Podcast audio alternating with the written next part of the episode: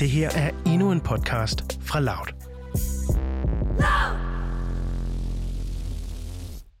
Hvis I gerne vil have sendt live, så er det sidste chance nu. Så skynd jer at gå ind og follow mig. Skriv til jeres veninder. Jeg mangler 19 følgere. Og jeg siger den sidste chance. Hvis I gerne vil vide alle de falske historier, der er omkring mig, På TikTok har vi gennem en længere periode fulgt i hælene på en 28-årig dansk mand. Han er en TikTok-bror som så mange andre, der taler om alt og intet, deler videoer fra sin hverdag, og så synger han. Men det, der er interessant ved ham, det er det, der foregår i hans kommentarspor. For her bliver han anklaget for alt fra trusler, afpresning, vold og voldtægt, og så får han også selv mange trusler. Men det er ikke kun på TikTok, at der florerer historier om TikTok-manden. For på Instagram og Facebook er der en lang række opslag for unge piger og kvinder, som alle beretter om deres egen historie med TikTok-manden. Vi har taget kontakt til flere af de unge piger og kvinder, der har delt deres historier på de sociale medier. Du lytter til tredje episode af TikTok-manden. En podcastserie produceret af Mathias Pedersen og Karina Moriel på Loud. I de sidste to afsnit, der har vi jo nået at tale med fire kvinder, og vi har nået at høre den femte historie, Lines lillesøster. Denne her gang skal vi tale med Stine. Historien om Stine startede jo med, at vi fik en besked fra Eva Fo, der havde haft kontakt med hende. Det er jo faktisk Eva Fo, der er digital pædagog og arbejder meget på TikTok, der henviser os til Stine. Og vi tog kontakt til Eva Fogh for at høre hende om, hvordan hun egentlig kom i kontakt med Stine i første omgang. Det er sådan, at øh, jeg over en længere periode har haft øje på, på den her mand. Øh, jeg har set en masse uregelmæssigheder og en masse børn og unge, som opførte sig på en måde, hvor jeg kunne se, at der var noget galt. Og i den forbindelse har jeg også talt med nogle af mine TikTok-venner, øh, som så fortæller mig, at de selv har syntes, det var lidt mærkeligt, og rigtig gerne vil være med til at skaffe ting, informationer omkring den her mand. Og øh, en af mine øh, TikTok-veninder, hun skriver en morgen til mig, Eva, jeg har fundet den her kvinde, og du skal snakke med hende nu. Det er meget alvorligt, det her. Jeg øh, hvad hedder det, får øjeblikkeligt fat i hende, og hun har skrevet sin historie til mig, og fortæller mig, hvad det er, der har foregået. Men hun sidder faktisk lige i det øjeblik selv, og var i gang med at overveje, hvordan hun skulle anmelde det. Så det var nærmest perfekt timing. Ved du noget om, hvorfor Stine har valgt at stå frem med sin historie lige præcis nu? Så vidt jeg kan se, øh, så er det netop noget at gøre med, at hun, øh, hun kunne mærke, at det var tid. Lad mig sige det sådan.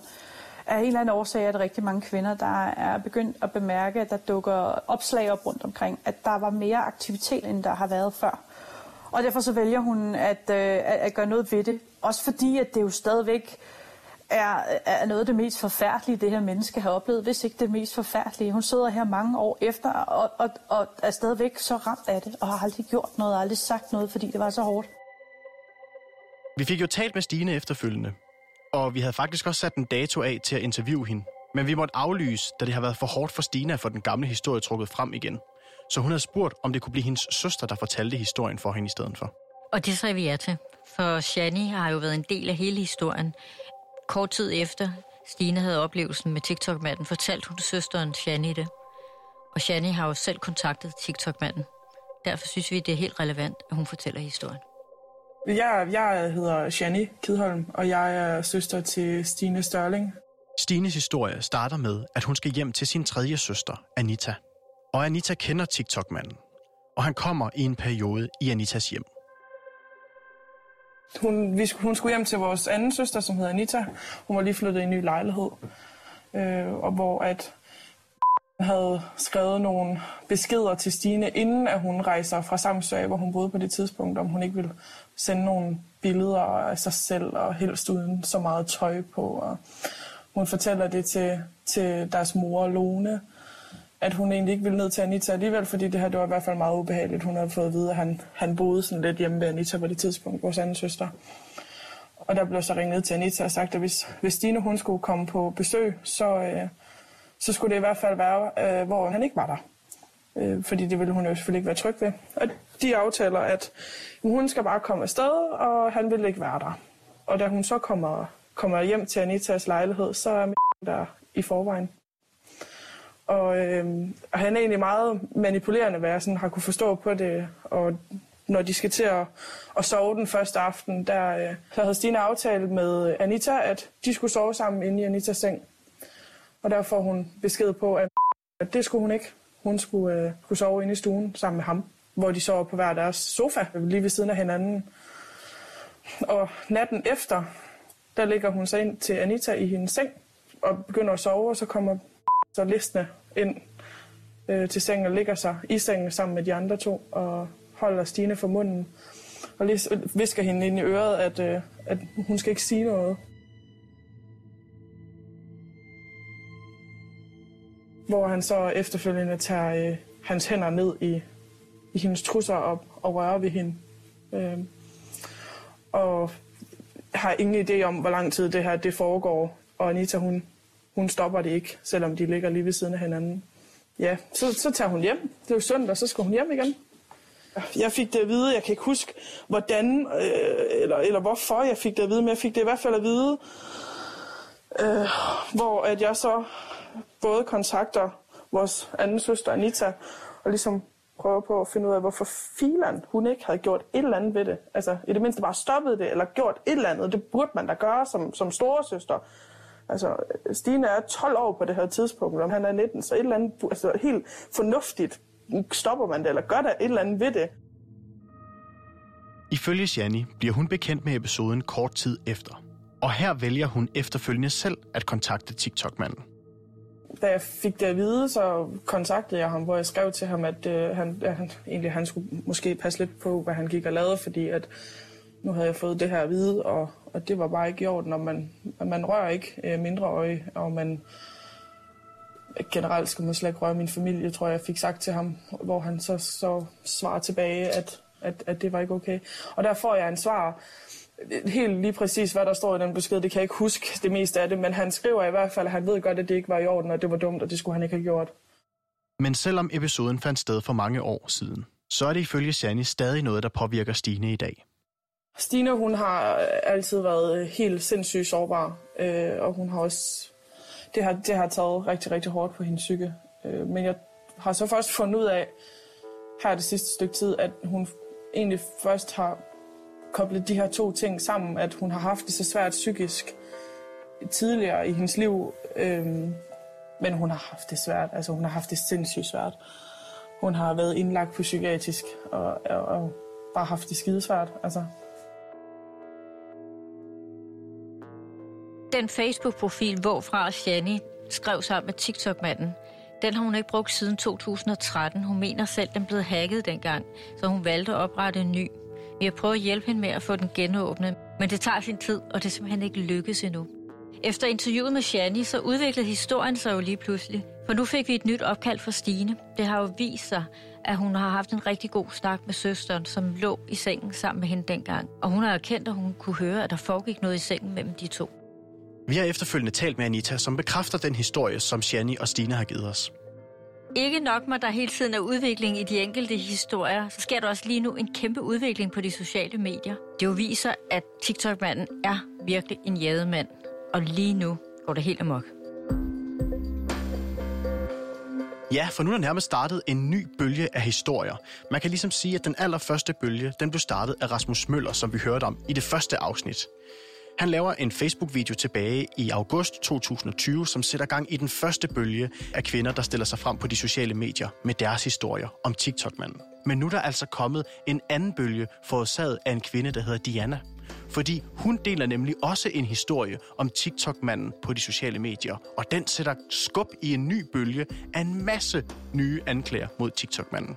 Derfor har vi også valgt at tage Diana med nu. Og den nye gruppe, Diana lige har lavet på Facebook, TikTok-mandens Ofre, som er en ny Facebook-gruppe, hvor der bliver ved med at vælte unge piger og kvinder ind, som fortæller flere historier. Og derfor har vi taget en snak med Diana, og vi skal høre, hvorfor det er, hun har valgt at sætte gang i den her bevægelse. Hvorfor hun har valgt at indsamle historier på samme måde, som Rasmus gjorde det, og på samme måde, som Eva har gjort det.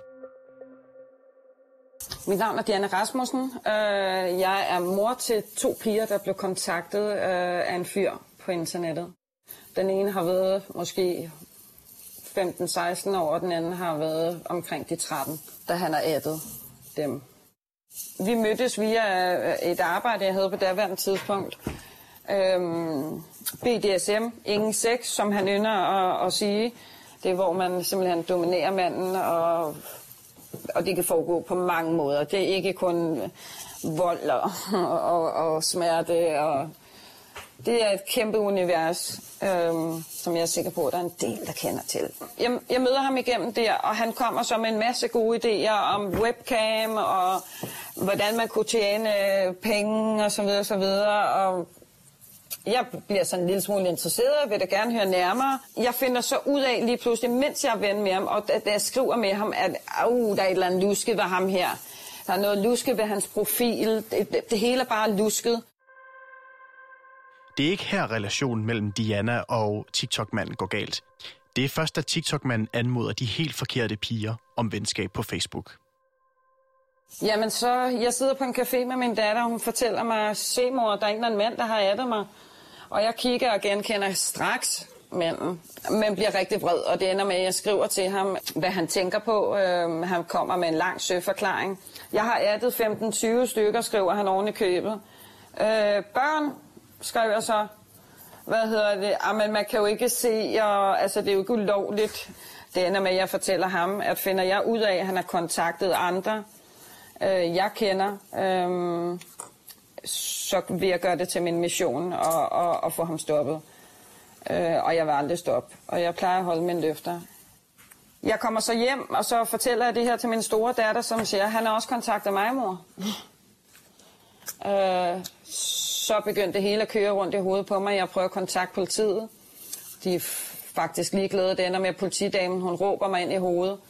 Jeg finder så ud af, at to dage efter det her sket med min datter, så ligger min, øh, veninde, min gamle venindes datter og min datters veninde, barndomsveninde, en, øh, et post op, et opslag op, hvor hun har været ude for samme opleve, oplevelser, stalking, trusler med at lægge billeder ud og så videre eksponere hende, hendes nummer øh, osv. så. Øhm, jeg finder jo så hurtigt ud af, at der er flere, der arbejder på sagen, men at sagen den er simpelthen så spredt. Den er spredt for alle vinde. Der er simpelthen ikke nogen, der er gået sammen. Hvis den her sag skal videre til politiet, så er de simpelthen nødt til at se omfanget.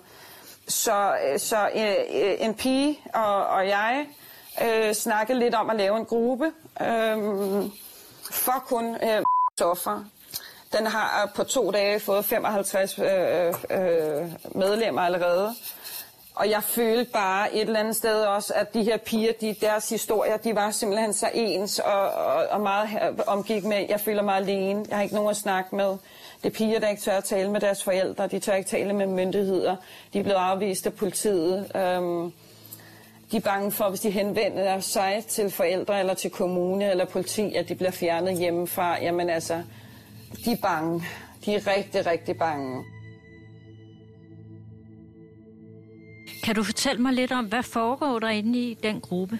Jamen altså, i den gruppe, så er der blevet inviteret nogle forskellige øh, relevante, kyndige, meget, meget kyndige mennesker, øh, som skal hjælpe til. Lige nu arbejder vi så på, øh, på, på nogle, nogle andre ting. Vi vil gerne have nogle advokater og, og lidt indover. Det er godt i gang. Hvad håber du, der sker med ham? Jeg håber på, at politiet de får øjnene op. De forstår alvoren i en sag, som er så stor, så kompliceret. Og jeg håber, at, at manden han får en, en dom. Så det er mit håb, det er mit håb, at, at, at der vil komme så meget, øh, så mange øjne på ham, at han ikke længere kan bevæge sig i den, øh, på sociale medier nogen steder. Øh, jeg ønsker jo selvfølgelig ikke, at, at nogen skal udøve vold. Jeg ønsker jo hellere, at han får sin straf. Det er jo interessant, det der foregår inde i gruppen lige nu. Man kan jo se, at det er nogle kvinder med noget på hjertet. Der kommer jo flere og flere medlemmer af gruppen til derinde. Og der sker en udvikling på deres Facebook-væg. Man kan jo se, der er hele tiden nye kvinder, unge piger, der deler deres historie med TikTok-manden. Der er virkelig ekstrem hæftig aktivitet ude på de sociale medier lige nu. Når man først er kommet ind i det, så kan man næsten ikke komme ud, fordi der bliver ved med at poppe nye ting op. Har du tænkt på, hvordan han må have det lige nu? Jeg kan slet ikke sætte mig ind i det. Jeg kan slet, slet ikke sætte mig ind i det. Og jeg har bare sådan et brændende spørgsmål inde i mig, som jeg bare trænger til at få svar på. Hvis det er, det er en løgn, og det er et falske historier, hvordan havner man så i en position, hvor utallige kvinder, som alle sammen fortæller den samme historie, i hvert fald en historie, som har de samme mønstre. Hvis de er falske, hvordan havner man så i sådan en situation. Vi håber jo et eller andet sted, at han har lyst til at komme ind i vores sidste afsnit. Han skal jo lov til at fortælle sin del af historien. Selvom vi har en masse små TikToks, små videoer, hvor han rent faktisk har været inde og fortælle nogle af de her pigers historie, så synes jeg alligevel, at han skal have en mulighed for at kunne gå ind og fortælle sin del af historien. Vi havde jo en aftale med ham, at han faktisk skulle komme om mandagen, og vi skulle lave et før-interview med ham om søndagen. Men der fravælger han at vil deltage i vores program. Vi vil vildt gerne tale med ham. Døren står altid åben, hvis han har lyst til at komme ind og så fortælle sin del af historien. For jeg tror også, at der gemmer sig en historie bag TikTok-mand. Men nu skal vi jo tilbage her en af historierne fra den første bølge, og det er jo Cecilies. Det er Cecilies historie, der får Rasmus til at lave den her video, hvor han advarer mod TikTok-manden. Det er ligesom det, der sætter Rasmus i gang med at indsamle historier mod TikTok-manden. Tilbage i sensommeren, så så vi opslaget på Facebook, som Cecilie havde lagt ud, og tog i den forbindelse jo kontakt med hende. Det viste sig, at hun allerede havde fået en masse henvendelser fra børn, piger og unge kvinder, som havde skrevet deres historie til Cecilie. Og hendes anklager mod TikTok-manden, de er meget alvorlige. Hvis Cecilies historie er sand, så har hun jo været udsat for en stor forbrydelse og et kæmpe svigt fra døgninstitutionen, som vi skulle passe på hende. Jeg blev flere gange om at stoppe, og jeg råbte hjælp, og jeg græd, og jeg græd, og jeg græd. Hvis ikke jeg gjorde, som han sagde, hvis ikke jeg var i de stillinger, han ville have, eller at jeg blev ved med at, at sige, at han skulle stoppe, så, altså, så slog han, og det var hårdt. Det var ikke bare lille lussing. Altså, det var jo flere gange hårdt og på brystet, og ja. Vi har været i kontakt med TikTok-manden for at forelægge ham indholdet af den her podcast, men han har indtil videre ikke ønsket at medvirke. Du har lyttet til TikTok-manden, en podcastserie produceret af Mathias Pedersen og Karina Morial på Loud. Musik, lyddesign og mix af Peter Christian Sejersbøl. Har du selv en historie, du synes, vi skal høre, så kan du kontakte os på tiktokmanden radioloud.dk. Har du været udsat for krænkelser på nettet, så anbefaler vi, at du kontakter børnetelefonen på telefon 11 61 11. Har du været udsat for fysiske overgreb, så anbefaler vi, at du kontakter politiet.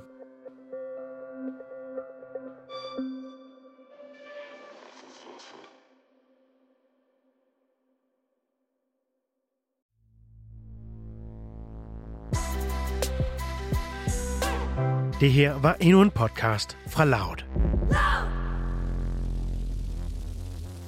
Hvis du kunne lide den her podcast, så vil du måske også kunne lide denne her. Jeg, jeg tror faktisk, jeg er meget overrasket over, at meget af mit tøj er fra Kina. Øhm, I hvert fald i forhold til også, hvor meget menneskeretskrænkelse der er i Kina. Sikkert, det havde sikkert lavet uld, hvor en eller anden, øh, nogle stakler, er blevet smidt væk, fordi forerne skal græsse der, hvor det er, eller hvad fanden ved jeg. Altså, du kan ikke... Det synes jeg, der er sindssygt at erkende, det er, vi kan ikke foretage os noget, uden det destruerer noget. Yes. Okay. Altså, hvis vi kan snakke chokolade, så er det jo helt... Det er jo det, er jo det bedste eksempel. Fordi den ligger der og ser lækker ud, og det er mega fedt, det er mega sødt, og det er bare det er utroligt behageligt. Selvom jeg synes, jeg har god smag, altså jeg kan jo stadigvæk godt øh, finde nydelse i en Mart Bue, hvis jeg er virkelig mange tømmemænd eller et eller andet. Ikke? Vores forbrug af mad, tøj og elektronik sætter os i forbindelse til mennesker rundt om i verden. Og af og til også til menneskerettighedskrænkelser. I Fros går vi sammen med tre kendte danskere forbruget i sømne.